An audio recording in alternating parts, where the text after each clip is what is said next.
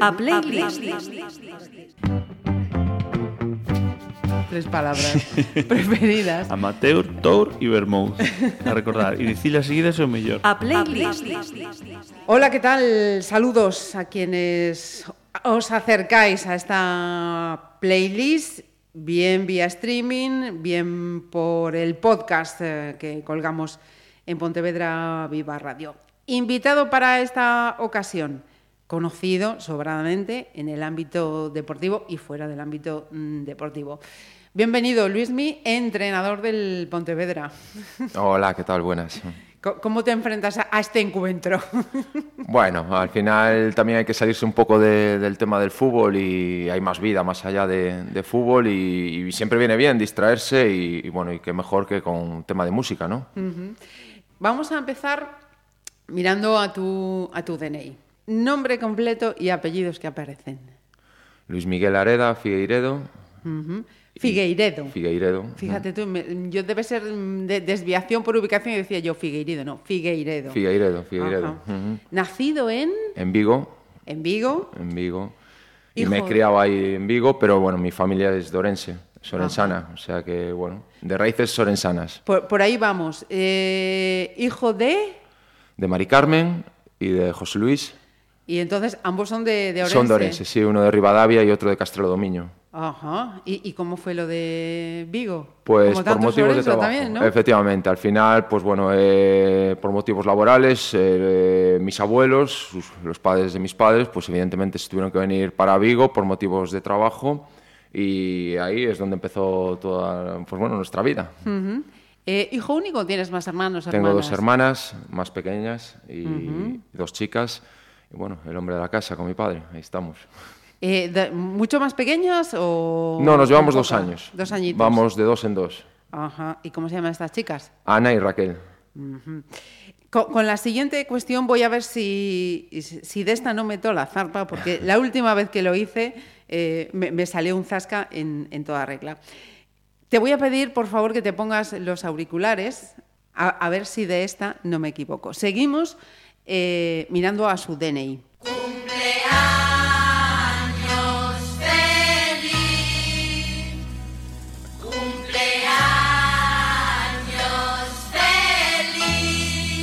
Eh, cuando escuchéis esto, eh, si es vía streaming, eh, será viernes día 9. Pero yo el dato que tengo es que el domingo día 4 estuviste de cumple.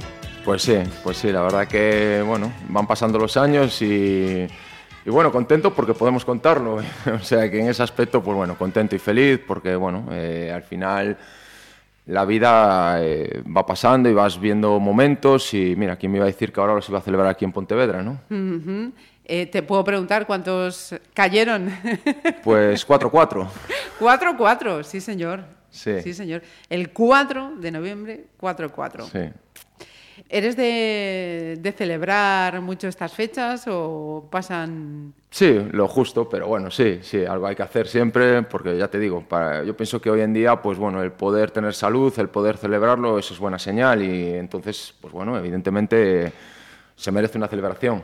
Sí, sin, sin duda alguna. Luego tendremos que hacer otra entrevista para que nos cuente cómo ha sido esa, esa celebración. Mira, ¿has sido de mucha música? ¿O eres Siempre hay, música? siempre hay algo, Sí. siempre hay algo, sí. La verdad que es una manera de, bueno, mm, sobre todo en momentos donde estás más de bajón, donde puedes estar, pues bueno, el ponerte esa musiquilla que te alegra, que te hace subir la autoestima, la confianza, siempre viene bien. Pues vamos a ver cuál es la, la primera de las selecciones que nos ha hecho Luismi para esta playlist. Cuéntanos. Pues bueno, eh, sobre todo recordando viejos tiempos, ¿no? Eh, que siempre gusta y no siempre puedes escucharlo. Entonces, pues bueno, me acordé de Héroes del Silencio. Sí, eh, señor. Bueno, unos míticos de esa época y bueno, y aparte lo recuerdo especialmente porque me regalaron el primer disco que recuerdo era de Héroes del Silencio. Me, gustaba de aquella, pues, con la edad que tenía, ¿no? Y, y el primer disco fue un cumpleaños precisamente y me regalaron el disco de Héroes del Silencio. Entonces, Sí, pues bueno, aproveché la ocasión y la, y la metí. Pues momento maño, entonces. Vamos con los héroes del silencio, con aquel maldito duende para empezar esta playlist.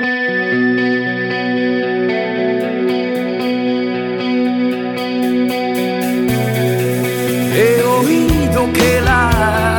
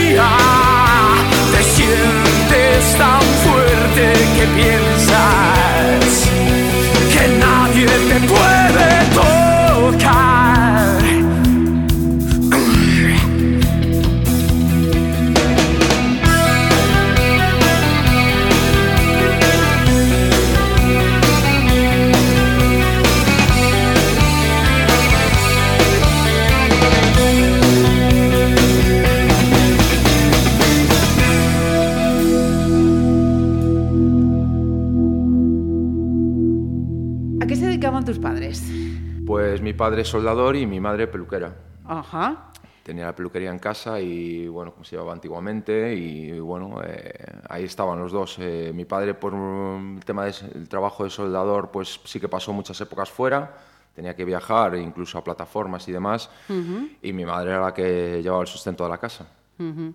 ¿Y mm, eran de, de escuchar también música? ¿Eran ellos los que ponían esa primera banda sonora que tú recuerdes? ¿O era la radio? No sé, cuéntame. Sí, el tema de la radio, sobre todo, pues bueno, eh, teníamos un tocadiscos y, bueno, mítico de aquella época también, ¿no? Que dónde van ya esos tiempos. Y, bueno, siempre había, recuerdo, pues mi madre con Julio Iglesias, con Bueno. Rafael, ¿no? Entonces, bueno, sí que lo, lo tenemos. Y después lo, lo del coche, el, el- bueno, la... Sí, sí, la radio del coche, lo que se utilizaba. la- el cassette, La el- cassette. el cassette de antes, ¿no? Pues también, entonces, bueno, sí que lo vivimos ya desde pequeños, el tema de la música, pues bueno, normal, ¿no? Ajá. Deporte en la infancia seguro que, que había. Sí, y más antes, que estábamos todo el día en la calle. Entonces el balón, la bicicleta, siempre, siempre. Entonces, bueno, pasamos mucho tiempo en la calle, mucho más que se pasa ahora, que la juventud de hoy en día, que bueno, hoy pues la época ha cambiado y es más de estar en casa, la PlayStation, que si los móviles, la tablet. eh, pero antes no, antes no había nada de eso y entonces se vivía en la calle, efectivamente. Al final estabas todo el día jugando y tus padres pues llamándote que subas para casa, que subas para casa, deja el balón, deja tal, los vecinos locos del ruido, del pollón. Pero sí que era época de, de estar mucho tiempo con los amigos en, en la calle. Eh, y me decías de Vigo. ¿De, de qué zona de, de Vigo, Luismi? Pues era de Colla, Ajá. del barrio de Colla, de, de la zona de Avenida Castelao. Y bueno, un barrio pues obrero y muy humilde. ¿Y, cómo era aquel, aquel Luismi de, pequeñito? ¿Era un niño tranquilo? ¿Era un niño inquieto, guerrero? ¿Daba muchos quebraderos de cabeza? ¿Cómo era? Nada, era balón. Yo recuerdo que estaba todo el día con el balón, era salir del colegio rápido para el barrio, para jugar al balón. Era fútbol todo, era fútbol todo y, y recuerdo, pues bueno, lo típico, ¿no? Teníamos, había una cafetería al lado, tener cuidado de no darle al cristal de la cafetería. El portal, que teníamos, jugábamos con la puerta del garaje que hacía de portería y cuidado de no darle al portal que estaba al lado y los vecinos quejándose, ¿cómo jugáis aquí? Bueno, lo típico cuando eras niño, ¿no? Y que jugabas en la Lo que calle. había de aquella, Sí, sí, y, poco más. Y sí que recuerdo que eso, sí. que Siempre que te veían, bueno, hoy en día, ¿no? Que te ven los vecinos y decían, joder, es que eras todo el día con el balón. Estabas todo el día en la calle y era todo el día el balón, el balón, el balón. Se te escuchaba. Y bueno, es el recuerdo y por lo que me dice la gente, ¿no? Los vecinos en este caso. Mira, y mm, tú tuviste ocasión de, de disfrutar de, de abuelos. Sí, sí, sí, sí. Eh, unos más que otros, por parte de mi madre poquito, pero por parte de mi padre sí que tengo más recuerdo, vivieron muchos más años, pero de mi madre nada, muy poquito. Pero bueno, eh, sí que los tengo en mente y bueno, y siempre que puedes puedas hacer la visita al cementerio, sí, y, y bueno, y cuando es las misas que se hacen y demás, sí que se aprovecha porque es el momento también de, de acordarte más de ellos, ¿no? Es ese momento donde, bueno... un te poco de, de homenaje, ¿no? De Sí, que están presentes. efectivamente. ¿Y mm, a qué equipo se seguía en, en la casa de, de Luismi? Pues éramos del Real Madrid.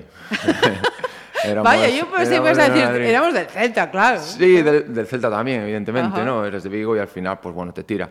Pero sí que, sobre todo del Real Madrid. Mi padre era del Real Madrid, mi madre también, la época de, bueno, del- de Amancio, de, de Zoco, de Estefano, toda esa época, pues eh, que yo no la recuerdo, pero sí por lo que me decían mis padres, pues sí que recuerdo que, que me hablaban mucho del Madrid y bueno, y al final lo, lo vivimos y lo mamamos. No nos quedaba otra, ser del Madrid. Sí o sí. Sí. Venga, vamos con otra selección. Cuéntame, ¿qué vamos a escuchar ahora? Pues también, recordando y volviendo a tiempos pasados, eh, Guns N' Roses. eh, Bueno, esto ya va, va increciendo, ¿eh? Sí, sí, porque bueno, eh, tu época ahí, bueno, mm, juvenil ya un poco, ¿no? Que empezabas y sí que Guns N' Roses de aquella pues tenía mucho tirón y, y me gustaba, me gustaba, la verdad que me gustaba. ¿Y, y has elegido además qué tema? Bueno, este es tranquilo, ¿no? November Sí, no lo cogí tampoco muy cañero, empezamos suave.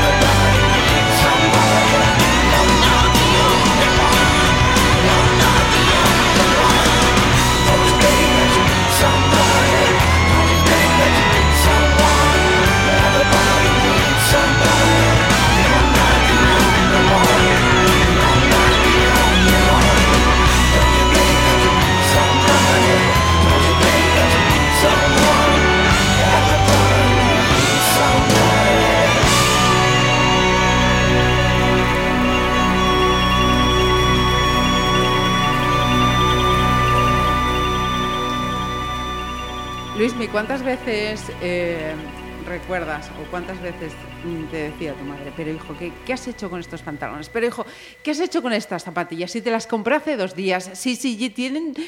¿Cuántas? Muchísimas. Las zapatillas, lo de las zapatillas era terrible, era terrible.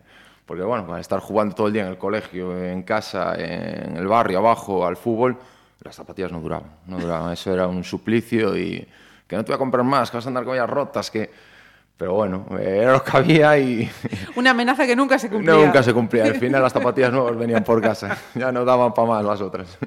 Mira, y, cuántos balones, sí, si es posible acordarte, cuántos balones has pedido a los Reyes Magos o por tu cumpleaños? Pedir muchos, pero pocos venían. ¿eh? No venían porque al final había que tirar, ¿no? Eran tiempos que, bueno, tampoco la cosa estaba tan como ahora, ¿no? Que, bueno, pues por suerte los tiempos han cambiado y prácticamente hoy en día los niños tienen de todo pero antes eh, apañábamos con el balón, aguantaba ese balón, lo que, lo que hiciera falta. escrito. Y si no, el del vecino, y si no...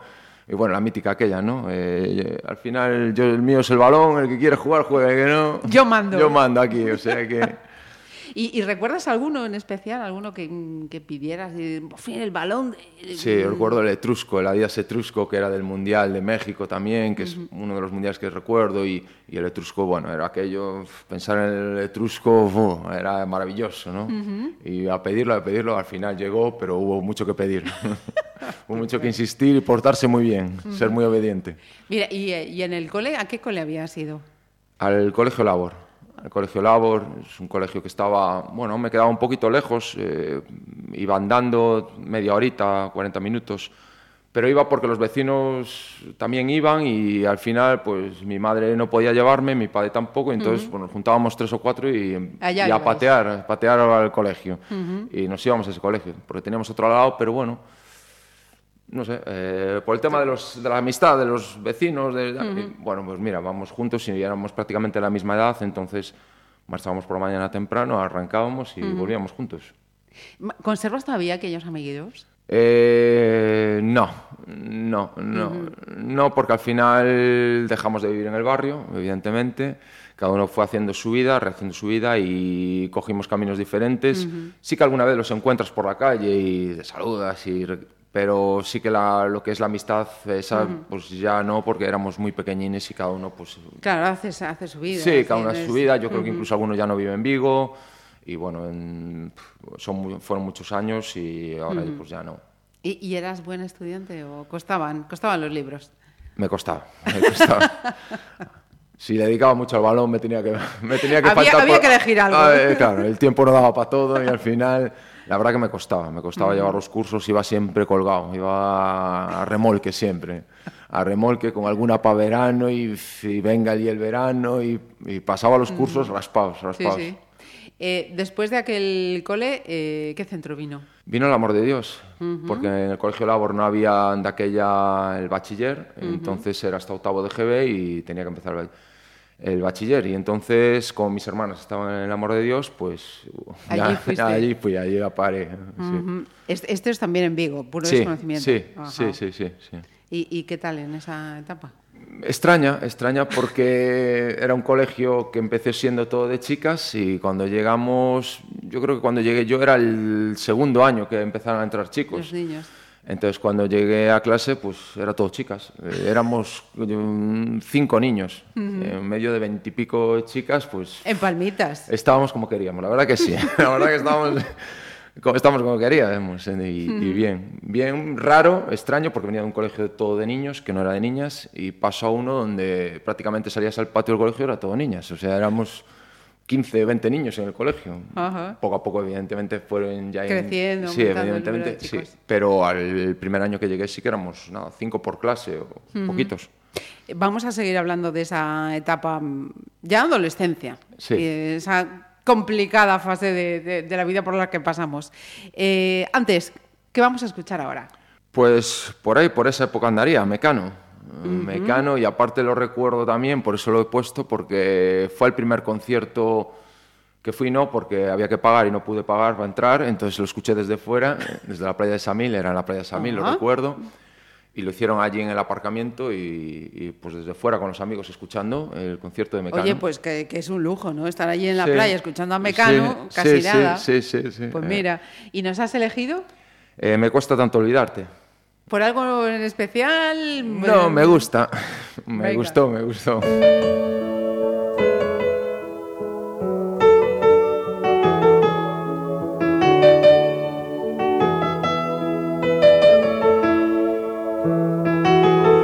Entre el cielo y el suelo hay algo con tendencia a quedarse calvo de tanto recordar.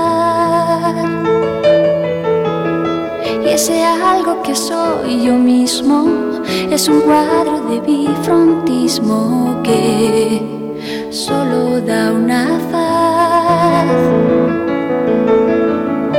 La cara vista es un anuncio de signal.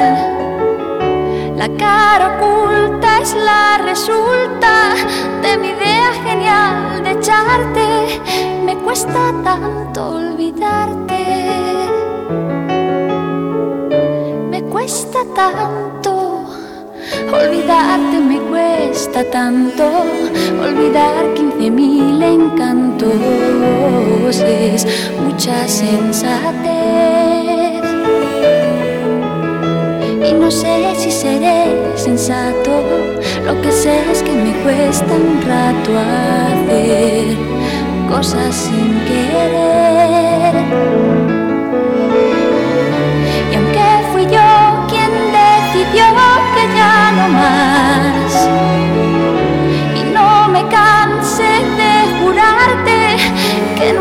Segunda parte, me cuesta tanto olvidarte.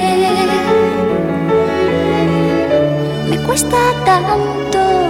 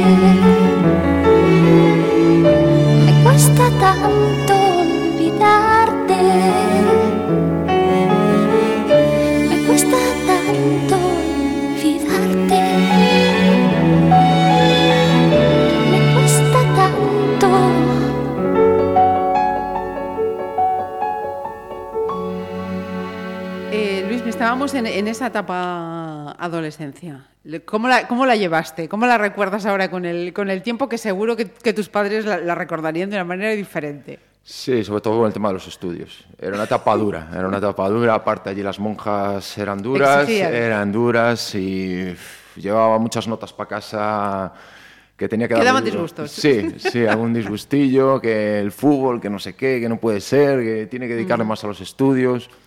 Y era una época, pues eso, complicada en ese aspecto. Después lo demás, pues bueno, lo típico de esa edad.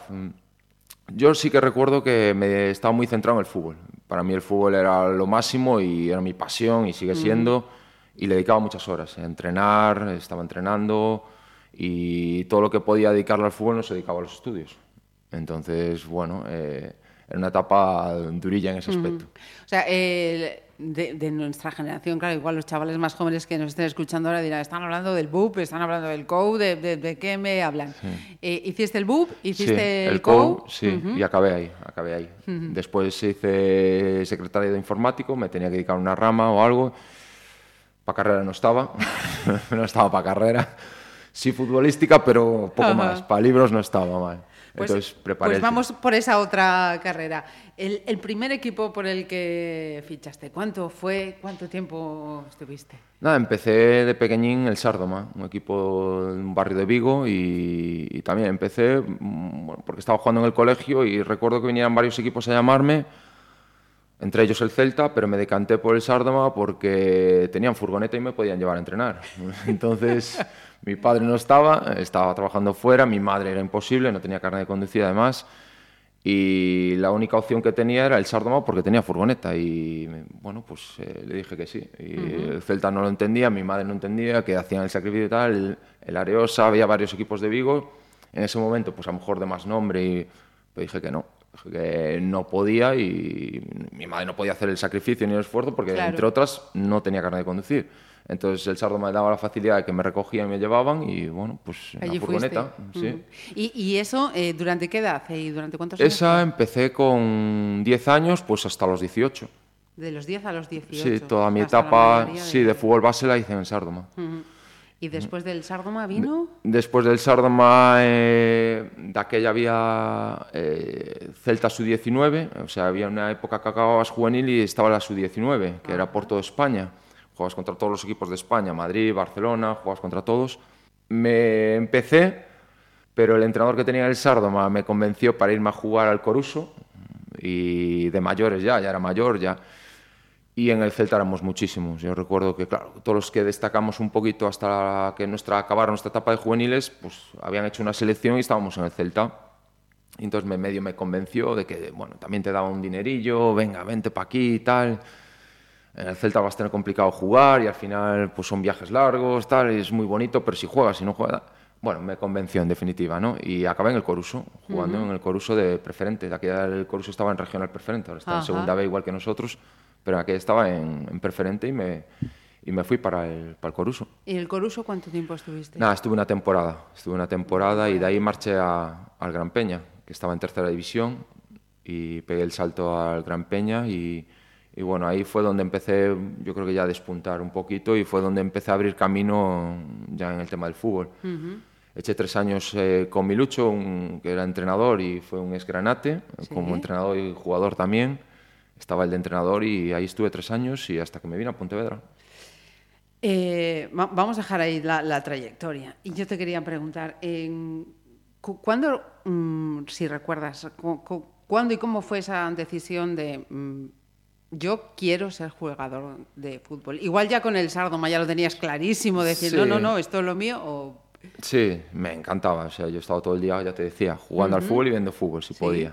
La pelea de los domingos por ver estudio estadio de aquella era tremenda, porque al día siguiente había colegio y había que alargar el colacao, no se acababa nunca. Era alargar el colacao, alargar el colacao, que a las 10 empezaba y que acaben los anuncios, que empiece ya, que el colacao este no me da para más.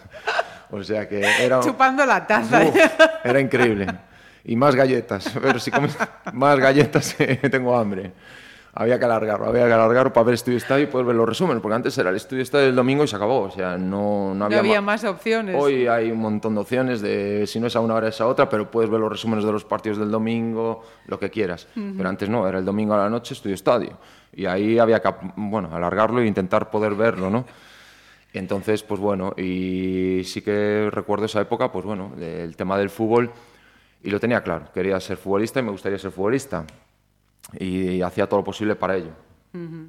Y eso es eh, el quiero. Y cuando dices, sí, puedo dedicarme a eso, Cuando estaba en el Gran Peña y veía que, bueno, que me habían dicho que había equipos que se estaban fijando en mí, entre ellos el Pontevedra, dije, bueno, pues para, esto parece que puede ir bien y hay que centrarse y seguir trabajando y darle duro porque, bueno, es bueno que te estén viendo, pero no me puedo confiar y tengo que seguir trabajando. Y bueno, hasta que al final pues vi que, que el Pontevedra se interesó por mí y, y el- y ya decidí venirme y empezar mi carrera futbolística.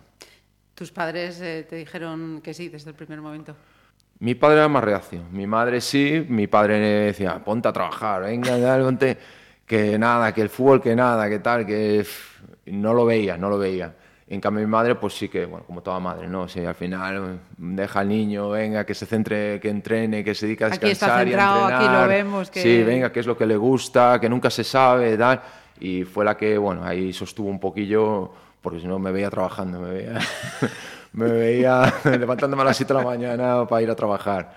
Y Entonces, no, bueno, sin al final, por medio no, no lo no, al final entre los estudios, pues eso, preparé lo de secretario informático, mi madre quería que estudiara un poco más, que tenía tiempo a trabajar y que me dedicara por las tardes a entrenar. Venga, vamos a hacer otra, otra paradita, que, que vamos de grupos nacionales.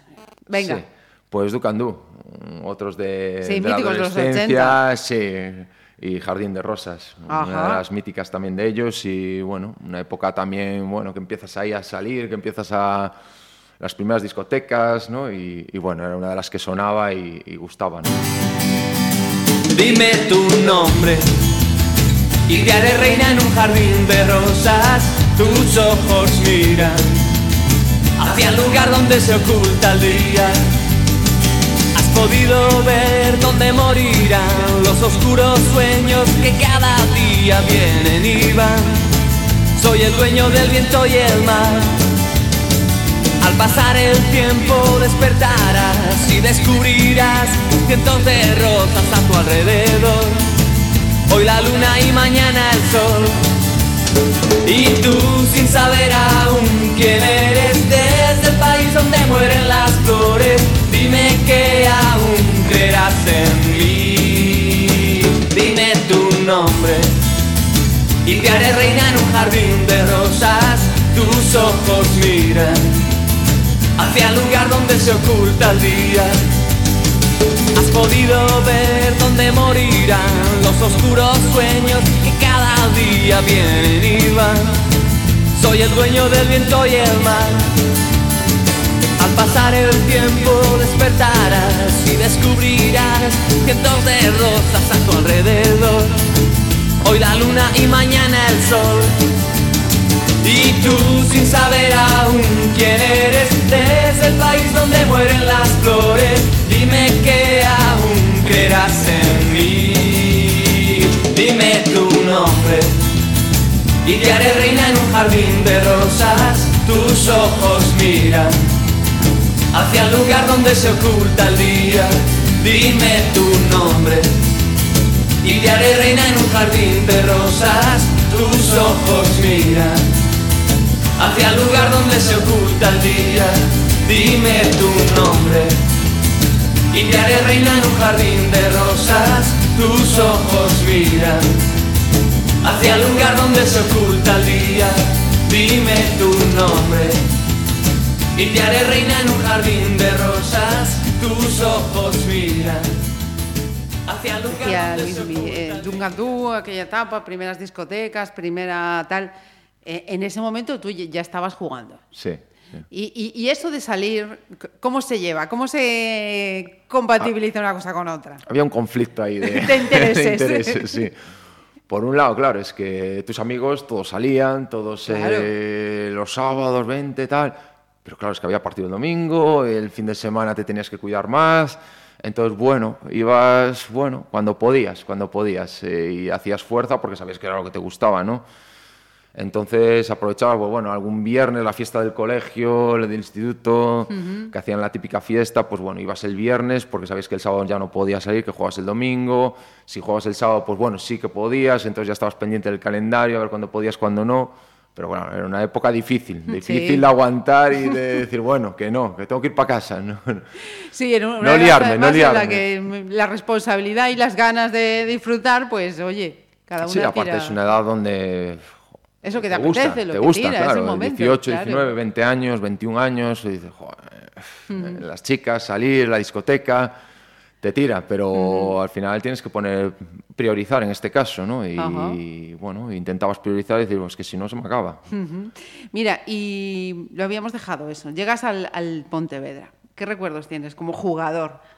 Pues sobre todo que llegué y, y los, que, los compañeros que en ese momento tenía los veía en la televisión hace poquito, que era Pablo Couto, Pablo Vázquez, Lino. eh, Lo estaba viendo en la televisión y de repente verme cambiándome con ellos, pues... joder, como- Impresiona. Impresiona. Decía, "Uf, es que estoy aquí ahora cambiándome con ellos, como que te metes el vestuario y no quieres hacer ruido, que nadie se entere que acabo de Sí. llegar, yo vengo aquí a entrenar. Pero bueno, eh, era joven y, y- y esta gente pues ya llevaba muchos años y era un buque insignia ya dentro del Pontevedra. Entonces, muy contento, muy satisfecho, pero sobre todo, bueno, con, con respeto, ¿no? Ujú. Fíjate, me llama la atención que nadie se entere que, est- que estoy aquí. No, no, no, la verdad que llegué como... uf, Claro, venías del Gran Peña, estar tres años, ya, era, bueno, ya éramos muy conocidos, era como una familia, llegar a Pontevedra, el salto de categoría, la historia del club, siempre que podía lo veía en la televisión, ¿no? Cuando lo retransmitía el Pontevedra, pues me gustaba verlo, Pasarón, y de llegar aquí y estar cambiándome en Pasarón, con Lino, con Couto, con Vázquez, para mí era increíble. ¿Has mantenido la relación posteriormente con, con Sí. ellos o también las circunstancias? Sí, ahora, mm, ahora sí que ya nada, pero después aún sí, sí que mantenía, sí que lo mantenía. Pero cada vez con los años, pues evidentemente, pues ya vas perdiendo. Al final yo también salí de Pontevedra, me fui a otras ciudades, entonces pues ya ese vínculo lo vas perdiendo, ¿no? Por ahí, por ahí quería, quería ir. Después del Pontevedra, ¿qué, qué llegó? Pues me fui al Oviedo, eh, fui a jugar al Real Oviedo y allí eché dos años. Y bueno, eh, por un lado contento, por otro lado me quedó pena, porque justo ese año que me voy es cuando se consiguió el ascenso aquí en Pontevedra a Segunda División A. Pero por otro lado satisfecho también y contento porque fueron cinco años aquí maravillosos y me iba también a un gran club, ¿no? Como era el, el Real Oviedo. Entonces, bueno, eh, y una gran ciudad. La verdad que Oviedo fue una ciudad maravillosa, que estaba muy a gusto y, y que también he disfrutado mucho allí. Y, y de alguna manera, no, no sé si, si fue así, tú me, tú me corriges, eh, el marchar a Oviedo eh, también sería, digamos que, mm, un grado mayor de independencia, porque imagino, estás en Pontevedra, estás en Vigo, estás al lado Sí, de casa, ¿no? sí. Pero marcharte allí ya te supone Sí, es un cambio. ese grado de independencia. Sí, ¿Cómo, ya cómo es un fue cambio. también? Bueno, fue un cambio importante. eh, claro, es otra ciudad, eh, ya no tienes a tus amigos, no tienes a tu familia. eh, entonces, bueno, sí que fue un cambio importante. Fue un cambio importante y... Pero bueno, al final yo creo que te adaptas, ¿no? Eh, Y al final, pues no te queda más remedio. Eh, me marché con mi mujer y marchamos y, y bueno, y no te queda más remedio que intentar, pues bueno, eh, salir de esa comodidad, ese confort que tenías en casa y buscarte la vida. Lo primero es buscar piso, eh, llegar a Oviedo, empezar a buscar piso, Claro, vivienda, claro, eh, para dónde vas, qué barrio coges, cuál no. eh, y bueno, pero bueno, yo creo que en ese aspecto es una ciudad acogedora, es una ciudad donde eh, todo el mundo, pues bueno, es muy amable y muy cordial y te, te facilitan la vida y en ese aspecto muy contento también de haber estado allí. ¿Te hubiera gustado eh, jugar de otra posición que no fuera el de defensa? ¿Cómo fue? Bueno, jugué, la verdad que mm, era defensa, eh, pero jugué de todo, jugué de todo. Al final era Ajá. comodín, era comodín, Sí. un poco comodín, sí. Y me gustaba, a mí lo que me gustaba como era jugar, era callejero, era de jugar, era, me da lo mismo, delantero, defensa, mediocampo, de lo que hiciera falta. Y pasé, yo creo que de menos portero pasé por todas las posiciones. Al Sí. final fui jugando en varias posiciones y yo quería jugar, yo me encantaba. Igual te daba me daba igual, aquí, me daba este igual. lado, Mira, que hay que jugar abajo. delantero, pues de delantero, encantado de meter goles, de poder estar cerca de portería contraria. Que no, que ahora juegas defensa, pues venga, defender, venga. Y lo, lo de portero nunca te tiró, ¿no? No fue... Sí, sí, pero en el, en el barrio. En el barrio, como nadie quería quedar el portero, quedo yo. Y también salía, como en el equipo jugaba de jugador, eh, no me importaba quedar de portero. Digo, "Venga, Portero, nunca se sabe si va a hacer falta un portero, o sea que... Sí, pero jugaba en el barrio. En el equipo del barrio sí que me- a veces me ponía de portero. Nadie quería quedar. Ahí, ahí estaba Luis, para lo que haga falta. Sí. Mira, vamos ya a la mitad de, la, de esta playlist. Cuéntame, ¿con qué vamos ahora? Pues vamos a darle un poco de vidilla aquí con Mar Anthony, vivir mi vida. Esto es relativamente nuevo. Sí, sí, sí, ya vamos eh, a tiempos ya un poquito más, ya Más- más recientes. recientes. Y bueno, esa canción que, que te da vida. Sí, Eh, además transmite un buen rollismo sí, tremendo. Sí, sí.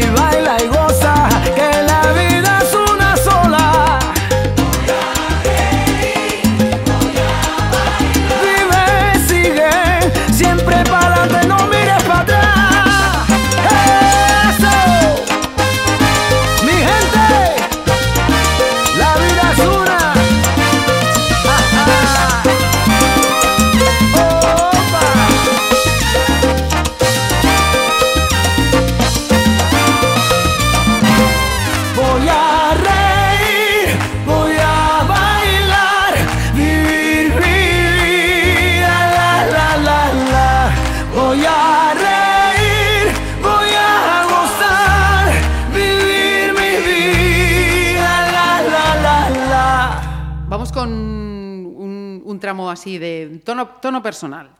Eh, y miro otra vez de nuevo por una referencia a tu DNI. ¿Qué, qué pone en el estado civil? Casado.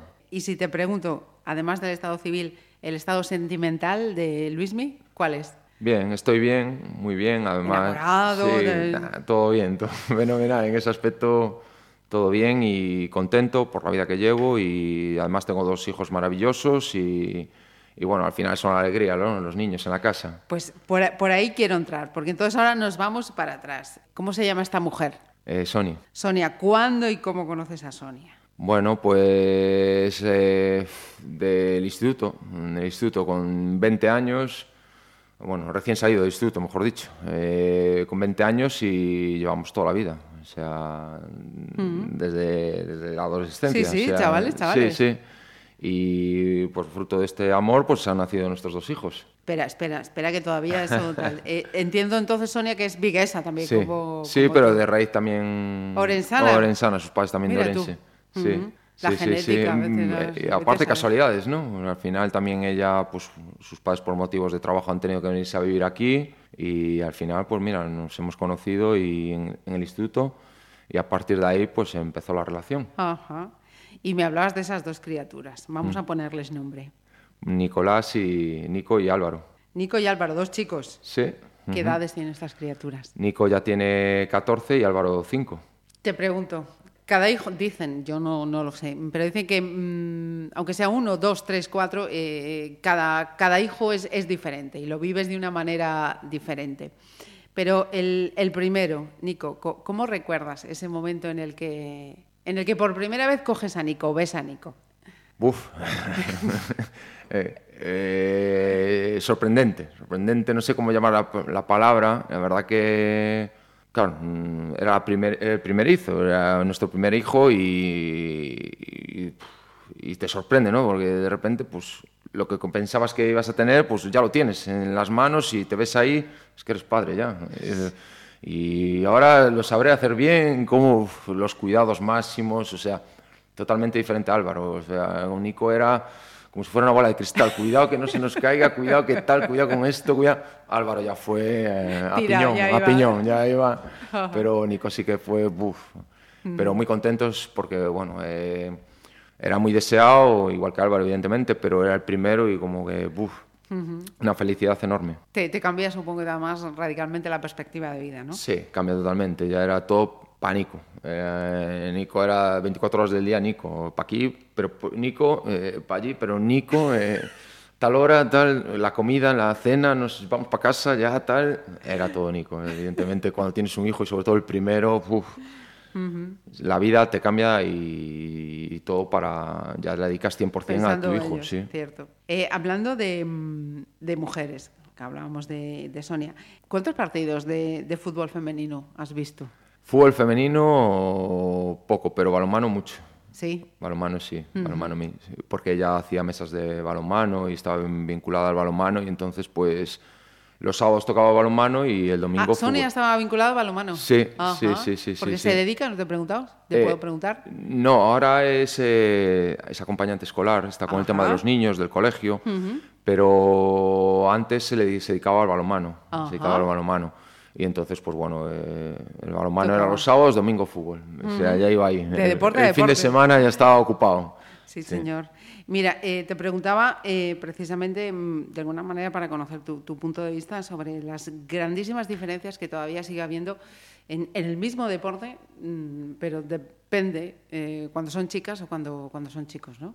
Sí, sí, sobre todo en el fútbol. Yo creo que ahí es exageradísimo, ¿no? Mm, pero a todos niveles, eh, tanto repercusión en prensa, en Condiciones, condici- del todo, todo, todo, jugador, todo, todo. mujeres árbitro, todo, cómo todo, es... sí, sí. todo, todo, es increíble. eh, pero yo creo que, bueno, eh, poquito a poco sí que se está cambiando, eh, más lento de lo que debería, pero sí que, bueno, ahora ya se ven partidos televisados en la, tele, en la tele, ya podemos verlos, ya po- hay Champion, que antes no había Champion de fútbol femenino, ahora ya hay Champion.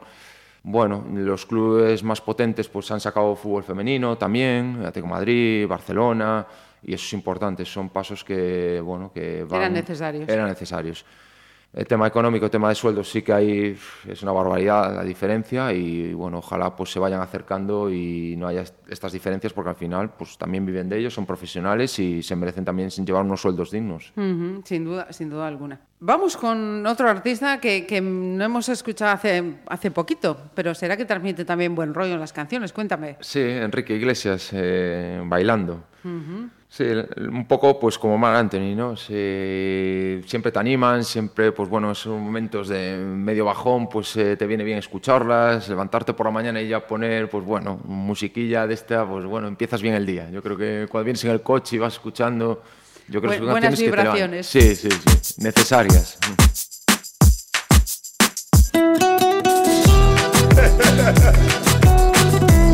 Enrique Iglesias.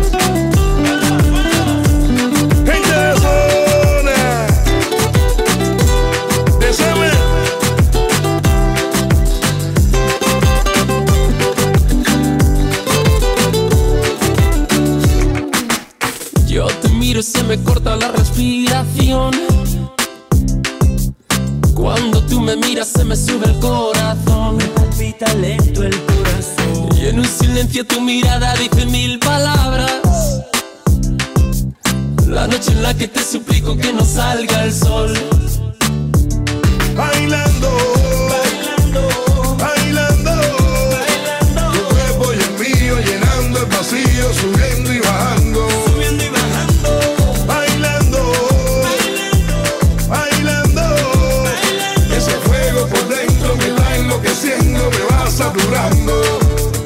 Con tu física y tu química, también tu anatomía, la cerveza y el tequila y tu boca con la mía. Ya no puedo más, Ya no puedo más. ya no puedo más. Ya no puedo más con esta melodía, tu color, tu fantasía, con tu filosofía, mi cabeza está vacía. Ya no puedo más.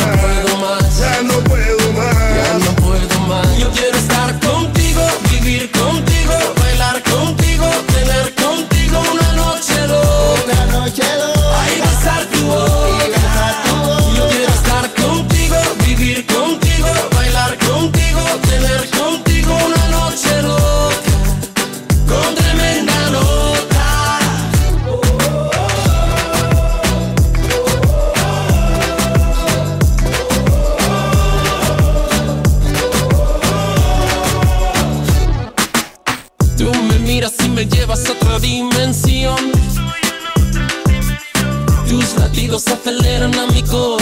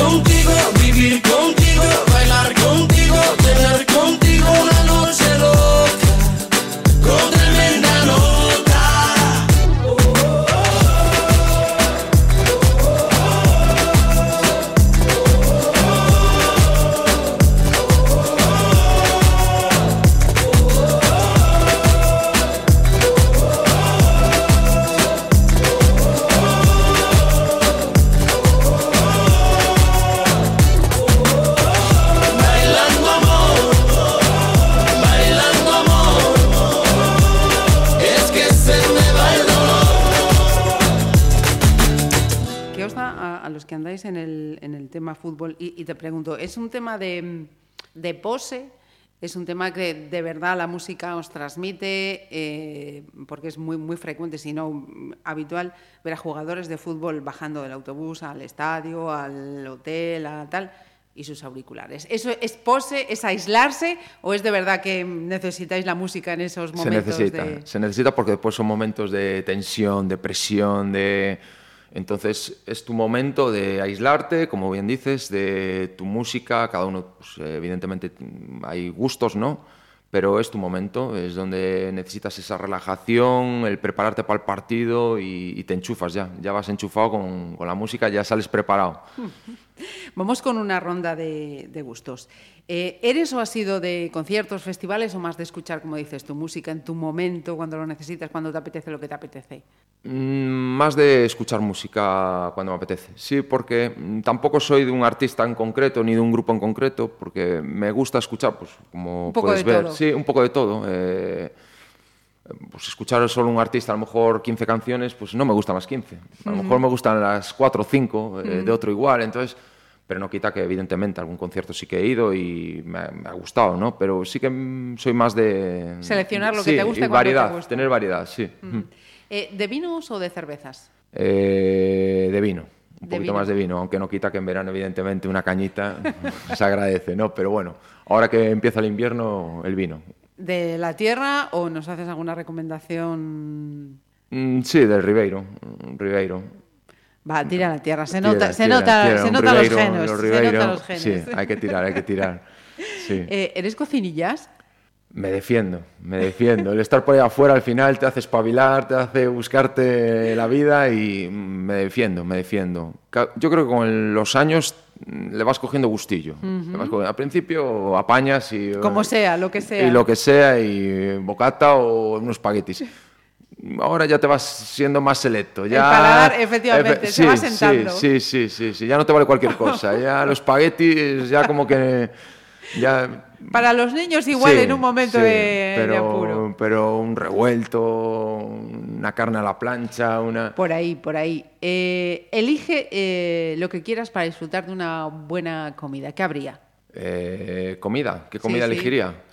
Mm, me gusta mucho el pulpo a la gallega. El pulpo a la gallega. Y como en casa nunca se, se prepara igual, un buen pulpo con una botellita de vino y un pan de chapata, un- una bollita de pan, ya arreglamos. Sí, compañía agradable y... Eh, eh, Y no, ha le- compañía no ha leído las preguntas, ¿eh? No ha leído las preguntas, pero la siguiente era, ¿sería solo o acompañado? Acompañado, Ahí siempre está. acompañado, acompañado. Ahí está. Acompañado, pues depende del momento, ¿no? O de la familia y- o de amigos, pero siempre acompañado, siempre acompañado. Hombre, yo soy de las que opinan que, que una comida, ya sea mm, grande, pequeña me- o, medio pensionista, si no es con compañeros, sabe Sí, igual. Sí, sí, sí, sí. Esto es como el pulpo, en casa no sabe igual que fuera. Pues eh, una gran comida o, o unos pinchos mismos Sí, sí. se agradece, se agradece. Es el momento ese de disfrutar, de relajación y al final también por lo que vivimos, ¿no? Al Sí, final sí. no solo todo, todo trabajar, sino hay momentos donde apetece estar con los amigos, le apetece el reírte, el tomar tu copa de vino, el picar algo. Es, es necesario, es Sí, necesario. efectivamente. ¿Y, y un viaje que, del que guardes un grato recuerdo? Mm, voy a poner Ibiza, Ibiza, Ajá. por sus calas, sus playas. eh, bueno, fue un viaje que hice con la, con la mujer y que el típico coges la moto, el coche de alquiler y que andas por toda la isla. A y-. Sí, sí, sí. Y más que nada por eso, porque bueno, aún habían nacido los niños y fue un viaje de estos de, bueno, Para los dos. de a lo loco. ¿eh? Sí, señor. ¿Y, y algún lugar que tengas pendiente conocer? Además, Hombre. hay infinidad, lógico. Yo soy mucho de playa. Sí. Soy mucho de playa. y, y voy a decir dos. Uno, pues unas islas de estas, eh, las Bahamas o eh, unas islas de estas donde se ve la cabañita sobre el mar y, de- y estar todo el día tirado en la tengo- playa. tengo varias imágenes en la cabeza. Sí, sí, sí, sí, esas, sí. Esas, esas, esas, esas serían... Después de una temporada de trabajo, de estrés, eh, cogerte y irte a una isla de estas a Y disfrutar perderte, y desconectar y que desconectar nadie del sepa móvil, lo que hago, dónde Eh, estoy o qué Exactamente. voy a hacer. Comer, beber y descansar, playita y disfrutar del agua del mar allí. Y otro que sí que me gustaría también es eh, Nueva York, y sobre todo en. Navidad, Sí. en la época de Navidad. Yo creo que, no sé, mm, por las películas que se ven, ¿no? Que ves los rascacielos, todo el Nueva York iluminado, la, la, La nieve, pista de hielo, la pista le- del hielo, eh, el perrito caliente ahí comiéndolo ahí. Bueno, Nueva York sí que me gustaría también. Pues Fíjate, bueno, os veo a los cuatro. no estaría mal, no estaría mal. Vamos a ponerle banda sonora. Venga, ese momento navideño Nueva York. ¿Con qué vamos? Pues eh, puse India Martínez, eh, Ajá. 90 minutos, porque me gusta mucho la voz de India y, y ese toque medio flamencao, ¿no? Me gusta, me gusta y es distinto a lo que hemos, eh, de lo que hemos hablado hasta ahora y, y bueno, también, ya ves, eh, cambiamos, ¿eh? de- Totalmente. Pero está bien, eso también dice mucho.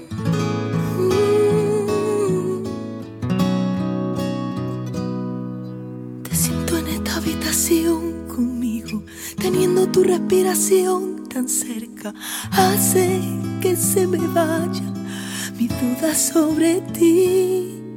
Me acerco con mi mano, sabiendo cuál será nuestra respuesta. Voy sin saber lo que harás de mí. Prefiero callarme a confesar que me hace sentir. Ojos, cancelando mis enojos, y he sentido que te tengo un poco más. Aprovecho y me cuelo, enredándote en mi pelo, insistiendo en que me vuelvas a buscar. 90 minutos no puede durar el amor. Pídeme más.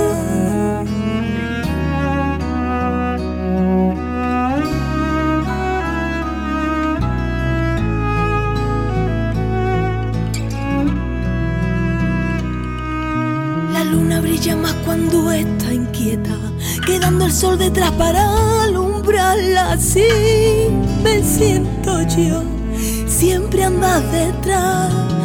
A mi alrededor te intuyo, son mis besos solo tuyos, aunque besen a otro más. He abierto mis ojos, cancelando mis y he sentido que te tengo un poco más. Aprovecho y me cuelo, enredándote en mi pelo, insistiendo en que me vuelvas a buscar. He abierto mis ojos, cancelando mis enojos y he sentido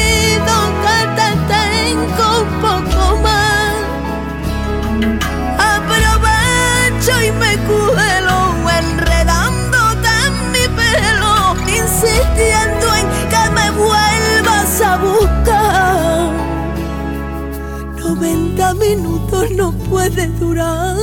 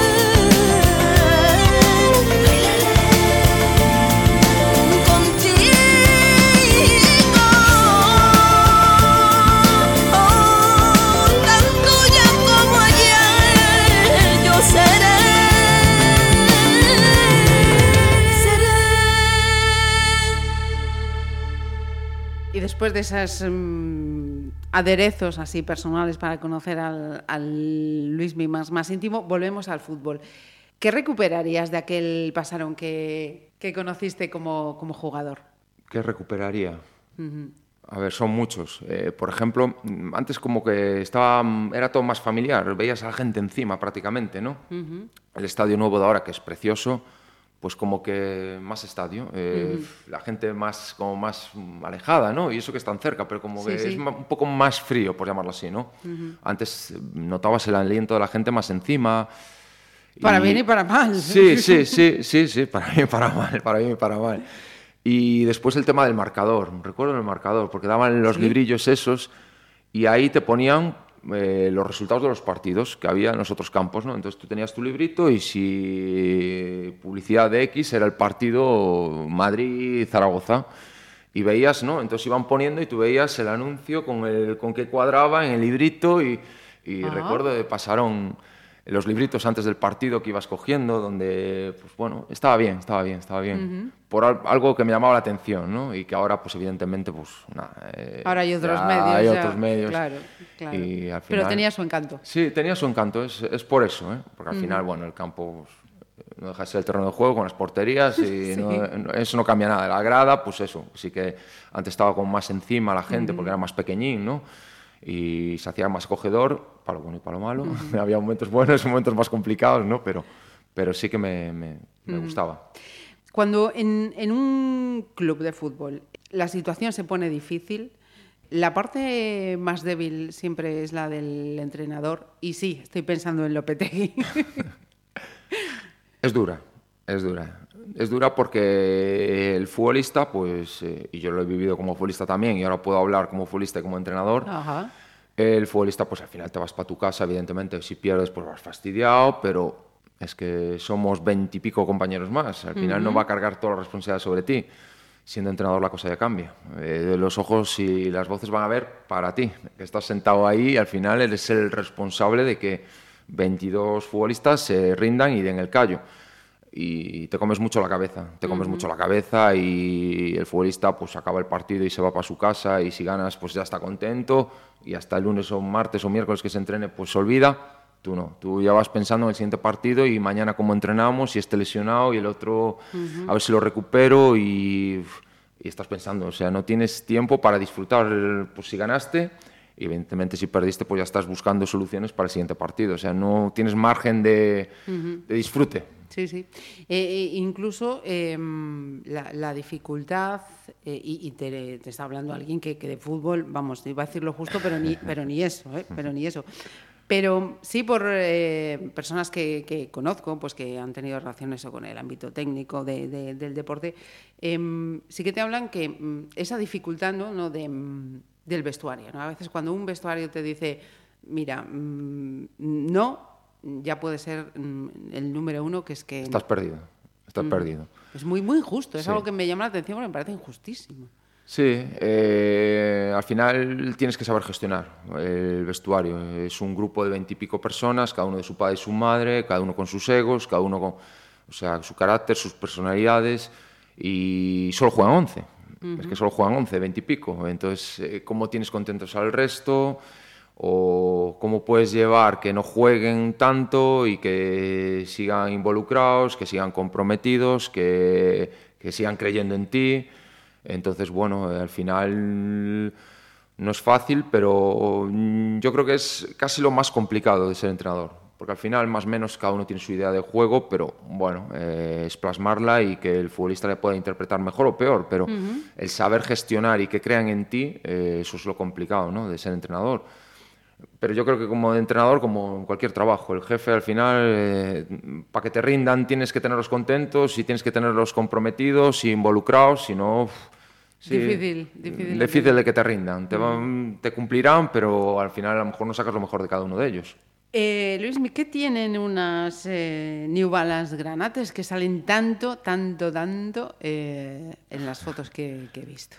Pues bueno, un poco por, como vestimos de granate, pues bueno, eh, sí que me gusta llevarlas. y bueno, un poco como el amuleto, ¿no? Las Ah, llevas. ah, ahí quería entrar Las yo. llevas y bueno, como que no te pueden faltar. tienen que estar limpitas para el domingo, preparadas para, para viajar. Y, y bueno, están dando suerte y al final, bueno, pues eh, cada domingo ahí están. ¿Hay alguna mm, cosa más que tengas de esas de mm, tengo que hacer esto porque me da mm, buen... Sí, intento, intento no creer mucho en ello, pero al final me dejo llevar, me dejo llevar. Por ejemplo, el tema de la ropa, ¿no? Pues si la camisa blanca va bien, la camisa blanca tiene que estar también. Si el tema de la ropa sí que me gusta y los hábitos, pues bueno, el tema de las comidas cuando viajamos, cenas, que no se toque, que si tiene que ser ensalada, ensalada, pechuga de pollo, pechuga de pollo, que no, no tocamos nada, el salmón, el salmón, pero que no se Ajá. toque nada. Bien, bien. Eh, venga, vamos a hacer otra, otra paradita musical. ¿Qué, qué- qué toca ahora? Que veo que es pues, futbolero. Sí, sí, Coldplay, ¿no? Ahí convive la vida, es una mítica que está sonando mucho y sonará, o sea, no pasa los tiempos por ella y, y yo creo que te da ese subidón.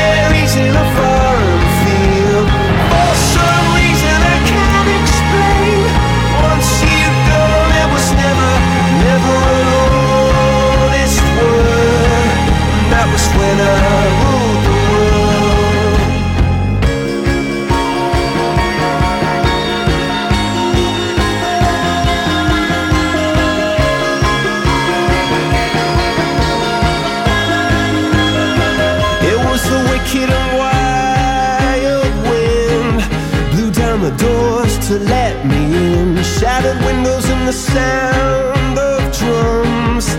People couldn't believe what I'd become. Revolutionaries wait for my head on a silver plate, just a puppet on a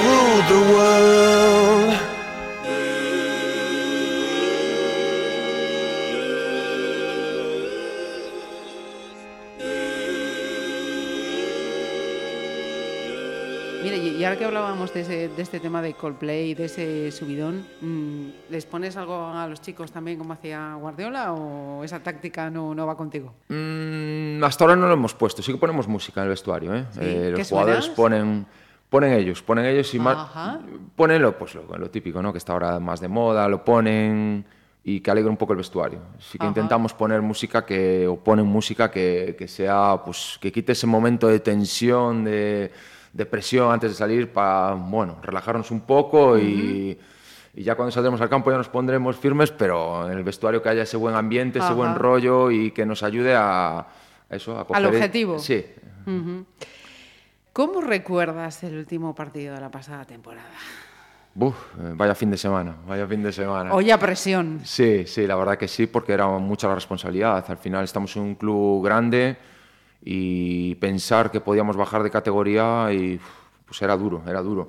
Entonces eh, intentábamos estar, pues bueno, eh, lo más relajados posible porque al final esa sobrepresión nos podía jugar nuestra contra, confiar en que si trabajábamos podíamos sacarlo adelante y, y no que los nervios no nos pudiesen. Eh. Contener los nervios, contener los nervios, confiar y, y pensar que iba a salir todo bien y ser positivos y creo que era lo que, lo que teníamos todos en mente, que al final va a salir, que vamos a ganar, que, que vamos a trabajar para ello, que no podemos fallar, que seguro que no, va- no vamos a fallar y, bueno, pero sí que mucha tensión, mucha presión. Ujú.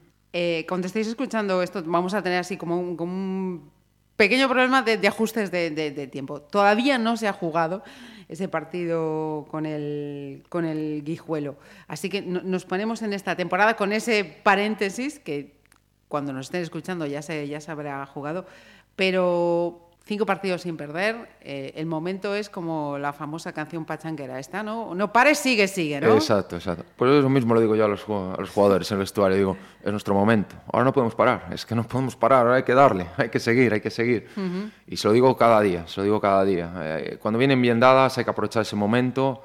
Porque la temporada es muy larga, son muchos meses y hay momentos menos buenos. Y entonces, eh, ahora que tenemos eh, este momento donde consigues resultados positivos, donde eres capaz de, durante cinco jornadas, mantener la portería a cero, que es muy complicado, pues este es el momento de seguir. O sea, la canción nos viene al pelo, nos viene perfecta. Ya me dirás si suena en el vestuario. Mira, ¿alguna, alguna lección que, mm, que te dieran sobre fútbol y que llevas grabada a fuego? Sobre todo que disfrute, disfrutar, disfrutar, porque al final eh, estamos haciendo lo que nos gusta, somos unos privilegiados para lo bueno y para lo malo, porque hay momentos difíciles, pero hay más momentos buenos que malos. Entonces, eh, no todo el mundo puede decir lo mismo, que está haciendo y, trabaja y vive de lo que le gusta. Entonces, eh, disfrutar, disfrutar de, estos momentos porque eh, lo recordaremos y, y el tiempo pasa y ver para atrás y haber pensado que has disfrutado haciendo lo que te gustaba, eso es maravilloso. Mm, ¿Te puedo preguntar quién te dio ese consejo? Eh, sí, eh, me lo dijo Milucho, Milucho, uno de mis entrenadores, sí que decía disfrutar, disfrutar. Y eso que Milucho era de apretar y de ser un entrenador muy exigente, pero al mismo tiempo que disfrutáramos. Vamos con la novena selección. A mí esto se me, se me pasa rapidísimo. Pues Manuel Carrasco. eh, con- Mira, además viene bien para este Sí, momento. Sí, Manuel Carrasco, y con no dejes de soñar. Hay que soñar y hay que ilusionarse y, y al final es el- la energía del día a día. El Sí, sí. No dejar de soñar y La meterte ilusión la mueve- ilusión y objetivos y metas y, y siempre con el objetivo de llegar a algo, ¿no?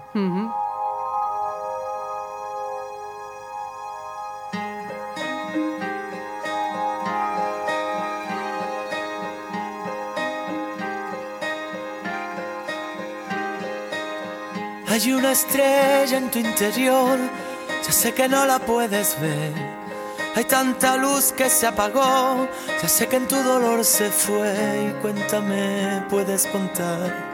No juzgaré tus pasos, escúchame, te escucharé. Pusiste todo el corazón, al final todo salió mal, el corazón se equivocó, pero tu amor era verdad, la realidad puede pesar dentro de ti,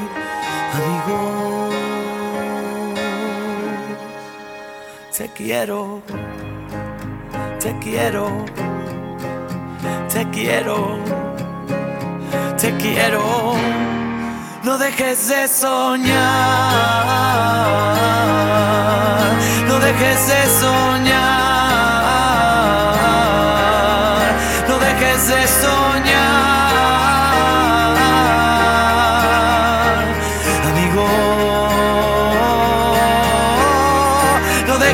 soñar, no dejes de soñar, no dejes de soñar, amigo.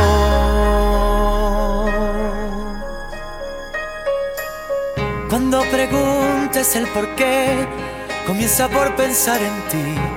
Cuando te olvides otra vez, empieza por quererte a ti. Cuéntame, puedes contar conmigo a cada paso. Escúchame, te escucharé.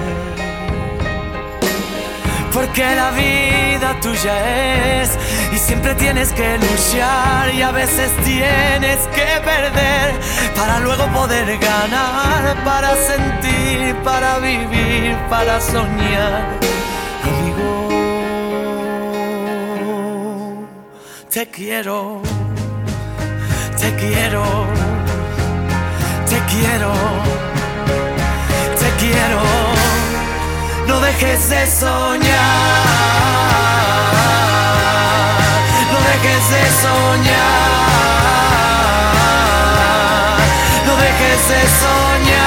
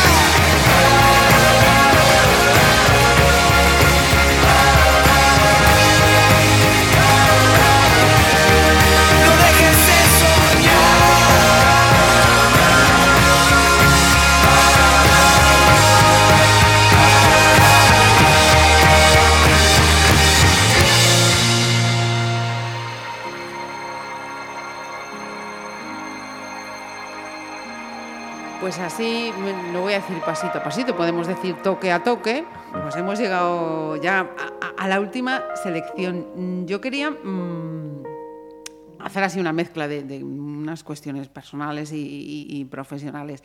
Nico, Álvaro y Sonia siguen los partidos cuando tienen ocasión o prefieren quedarse y que No, luego no. les llames y les digas, oye, que ha salido todo... No, son futboleros, son futboleros, o sea que ahí están, en el día a día también, en los partidos, por supuesto, vienen a Pasarón, eh, o sea que sí que están, sí que están involucrados y, y son futboleros, los niños juegan al fútbol, o sea que eh, llevan la vena, la sangre lo llevan ya. ¿Y, y quién sufre más? Eh, eh, ¿Los hijos y, y Sonia viéndote ahí eh, llevando en esos momentos esos 90 minutos?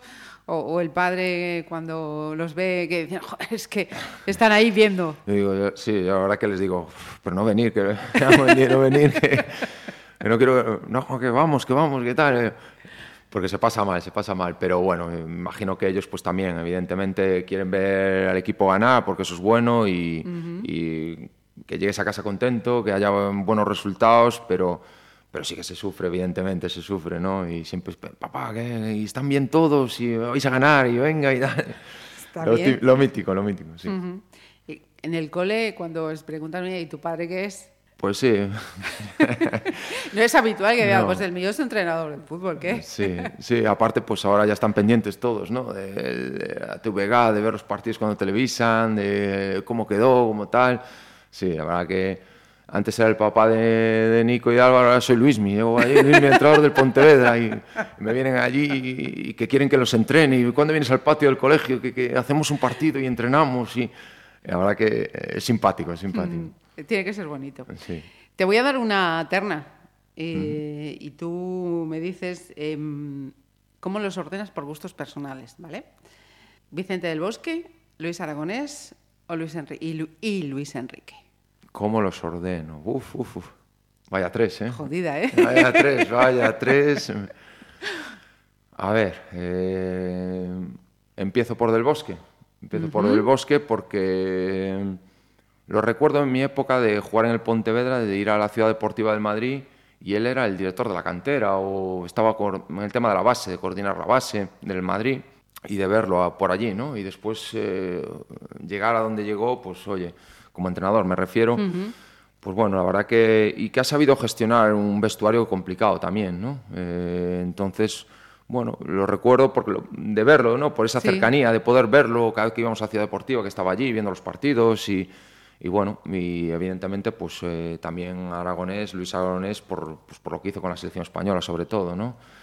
Entonces, bueno, y porque sus entrañables entrevistas, eh, bueno, pues al final, eh, sí, eh, la verdad que, que, bueno, muy natural todo, lo hacía como, igual que Del Bosque, ¿no? Son personas que, que bueno, que demuestran que no hace falta, pues bueno, sacar el librillo y todo ir al pie de la letra, ni todo tan teórico, ni tan, que al final es todo mucho más sencillo, que al final el fútbol no lo vamos a descubrir ahora, por mucho que queramos.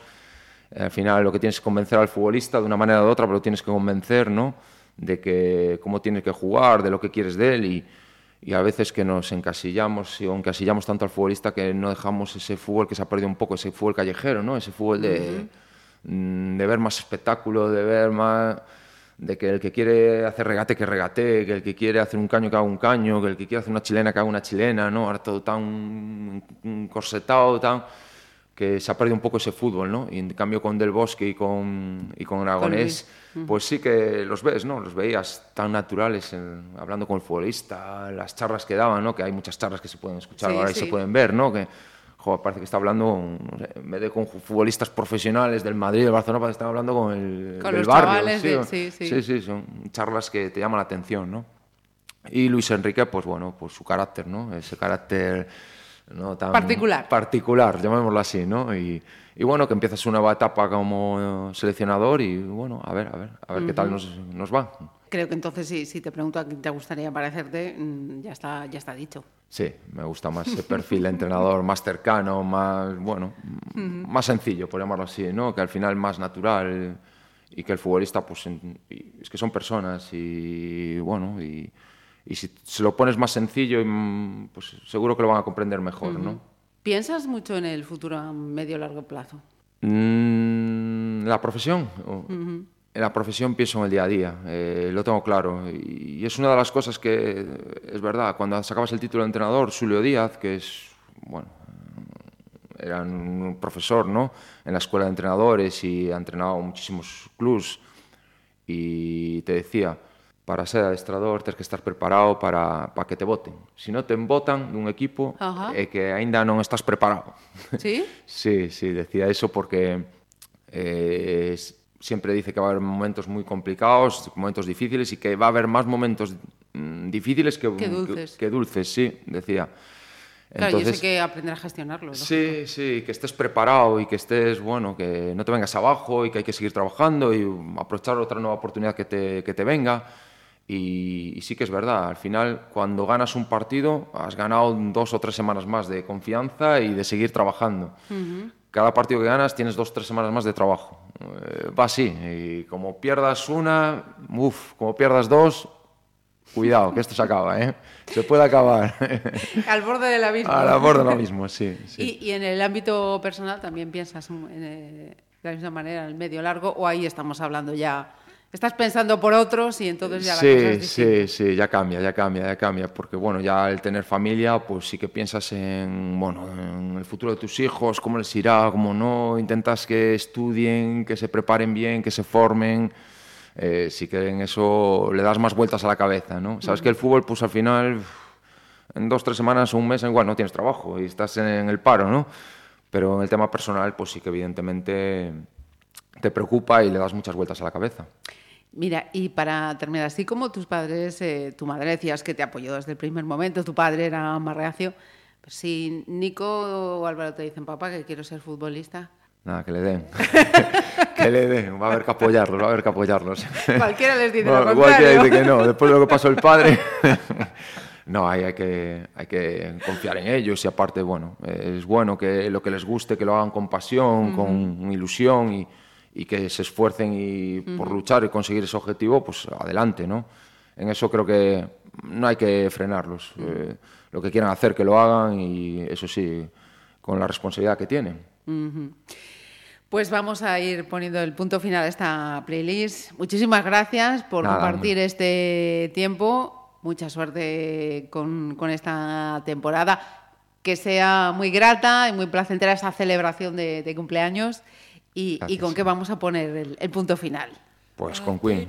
Acabamos con Queen y con el We Are the Champion, ¿no? Eh, Que sea premonitorio. Claro, claro, claro. Con esa intención lo hacemos. eh, para que podamos celebrar algo importante al acabar la temporada y, y que podamos poner el We Are the Champion en Pasarón.